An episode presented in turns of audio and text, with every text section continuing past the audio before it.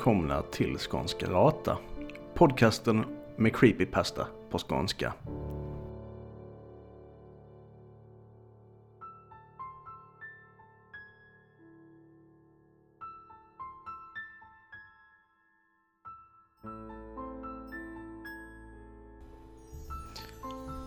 Efter fallet i Ystad slogs jag i spillror.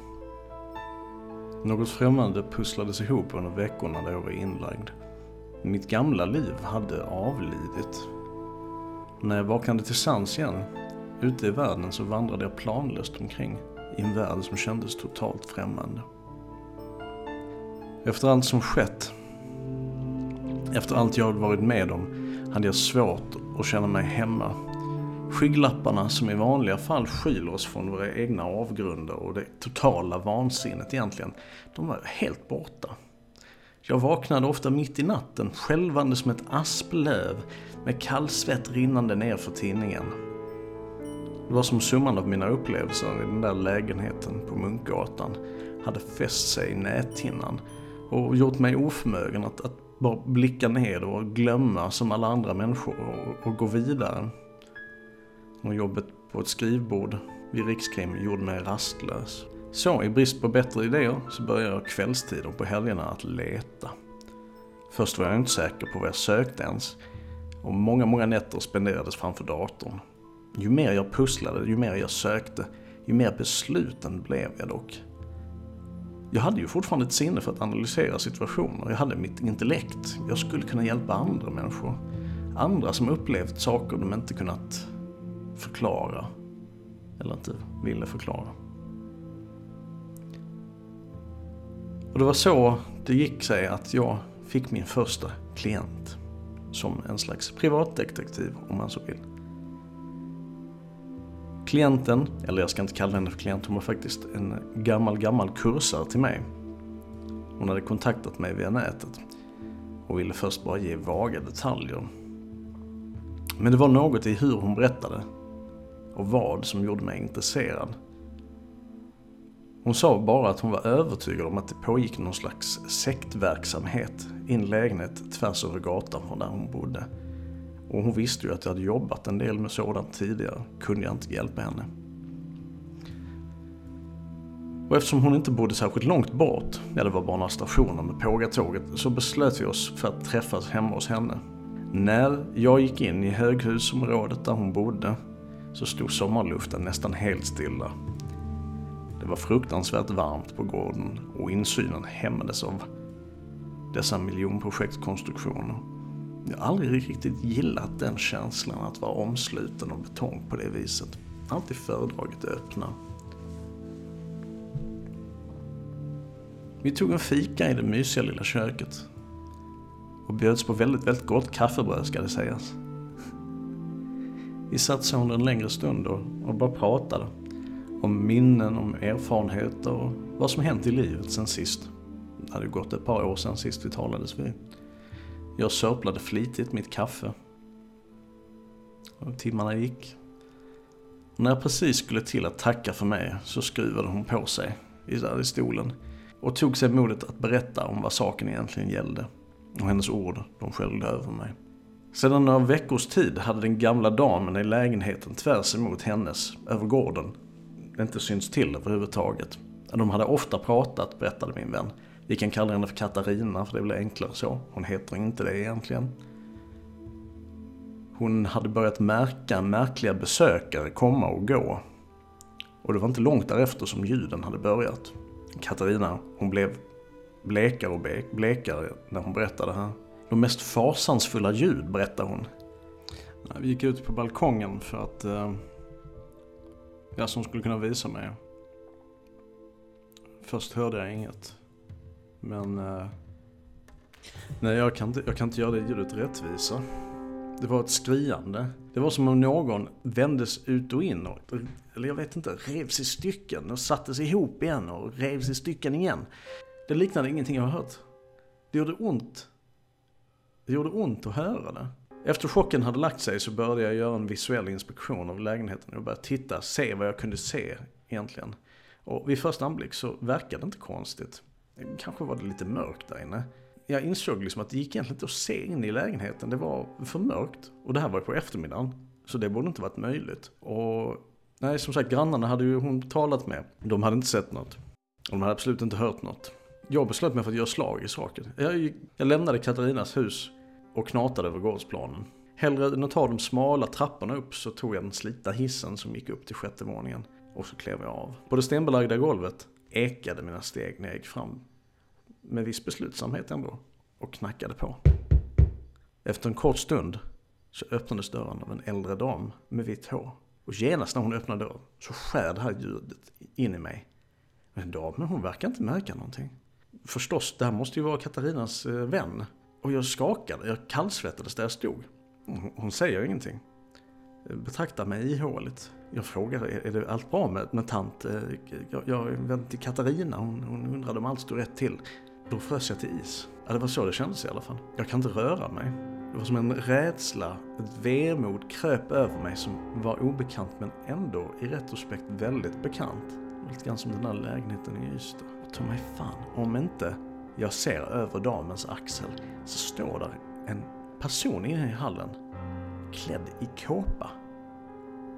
Och där brast det för mig. Vad den var som höll mig på plats där så kunde det inte stå emot flera månaders uppdämd ilska. Tryckte varsamt damen åt sidan. Jag gick in i lägenheten, stegade in och, och, och grep tag i den här personen i kåpa och, och skakade honom. Jag krävde att få reda på vad det var som försiggick egentligen. Jag fortfarande fick jag inga svar. Det gjorde mig bara argare. Jag greppade min ficka och fick tag om mitt knogjärn. Jag har inte gått någonstans utan det. Efter vad som hände. Personen i kåpa, han verkar inte bry sig. Jag ser upp i ansiktet och hotar honom liksom. Nej, han börjar beställt le milt. Och så tittar han in, som han vill att jag ska titta in. Och jag, jag blickar in mot vardagsrummet. Och var jag adrenalinstinn då så är det ingenting mot vad som hände sen. Det är faktiskt bara så att, att jag tror det svartnade för ögonen för mig då. Jag kvicknade till utanför huset. I hissen upp till Katarinas lägenhet igen. Jag kommer ihåg det nu i efterhand, men just då så var det bara ett svart töcken av ilska. Eller rött, bör man väl säga kanske. Min vänsterhand var söndersliten och blodig. Knogjärnet satt nu på högerhanden så fast intryckt att jag hade liksom tappat känseln i handen. Jag var orolig att jag hade brutit någonting. Jag hade en huvudvärk liksom som höll på att splittra skallen i småbitar. Blod rann liksom från mun och näsa. Jag, jag minns liksom vad som väntade mig där inne i vardagsrummet. Jag, jag kom inspringande och här, det, det är splittrade minnen. Jag hade en förnimmelse av väldigt hastig rörelse, sen bara kall och våt sand. Och en känsla av att jag stod inför någon form av ofantlig avgrund. Jag minns samtidigt välta stearinljus, lågor som slog upp. Jag minns eh, springande figurer som skrek och, och försökte stoppa mig. Jag minns att ilskan drev mig framåt och fick mig att bara slå dem och slå dem och slå dem sönder och samman. För allt de har gjort och stoppade till. Jag såg, jag kan knappt beskriva det, en, en oformlig svartlila sak satt där inne på golvet i vardagsrummet. Den var så stor att den blockerade liksom hela rummet.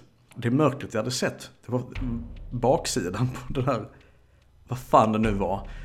Och den, när jag närmade mig så ökade skriandet i intensitet. Va? Och det, jag blev, jag minns liksom hur, hur ursinnet rev i mig. Jag minns Palle, jag minns de där små händerna som var på min kropp och ville slita mig i stycken Tingsten den hade liksom en pulserande yta som var liksom organisk men samtidigt inte. Det var dallrande.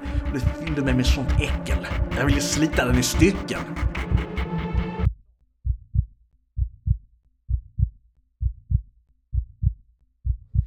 Det är mer sånt som jag inte vill dra mig till minnes. Även jag är mottaglig. Den här ilskan, den har, den har jag inte alltid haft. Det kom efter Eh, kom efter Ystad. Den har visat sig vara användbar mer än en gång. Men eh, jag tycker vi tar det vid ett senare tillfälle. Och liksom dagarna efter så spenderade jag med att vadda och, och behandla mina händer liksom och tvätta dem och försöka få dem att kännas, kännas normala igen liksom. Det rycker fortfarande min vänstra hand. På ett märkligt sätt när jag tänker på det. Dagarna på så berättade Katarina att missljudet var borta. Man hade man hade gått in med huvudnyckel och man hade hittat den gamla damen död inne i lägenheten. Och sen tömde de det på bohaget och det är nya, nya hyresgäster som bor där nu. Men eh, jag tänker inte låta dem komma undan med detta. Ja, det var andra gången vi fick höra av just den författaren. Det blir lite mer obehagligt varje gång på något sätt. Jag ska ta någonting lite lättare. Jag har fått ett ganska stolligt mail. Eh, låt mig läsa, läsa upp det för er. Hej! Såg jag verkligen det här? Det var på väg hem från en tillställning. Och den småkyliga försommarnatten låg tyst omkring mig där jag tog mig fram. Spatserandes genom en sovande stad. Då jag såg det där. Spöktåget. Det finns ett ställe där vägen korsar ett gammalt tågspår. Där jag stannade tvärt. För då i natten passerade mitt framför mina ögon. Det låter ju inte i sig anmärkningsvärt, men det hör till saken att de gamla industrispåren i fråga inte leder någonstans, utan sedan länge är övergivna. Här ifrågasätter jag till och med mina egna ögon. För det verkade som om tåget som gled förbi mig i nattens dimma inte var helt och hållet där. Det saknade tyngd och gjorde inga ljud. Det som verkligen skakade om mig då var kupévagnarna som lystes upp av ett sjukligt rött invärtes sken. Ansiktena ombord var inte mänskliga. Det var inte levande folk i varje fall. Deras ansikten var förvridna och utdragna till de mest groteskt komiska proportioner. Och i loket så stod fan själv och skyfflade kol till sin infernaliska maskin.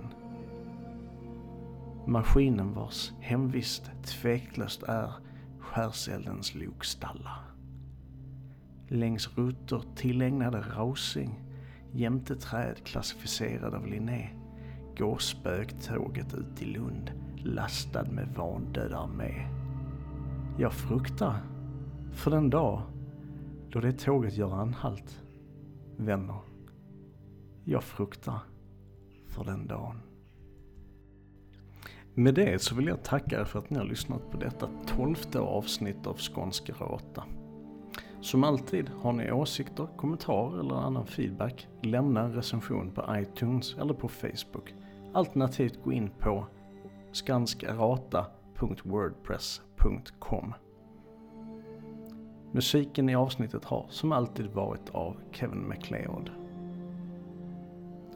Vill ni stödja podden går det utmärkt att gå in på patreon.com skanskarata och lämna en liten donation.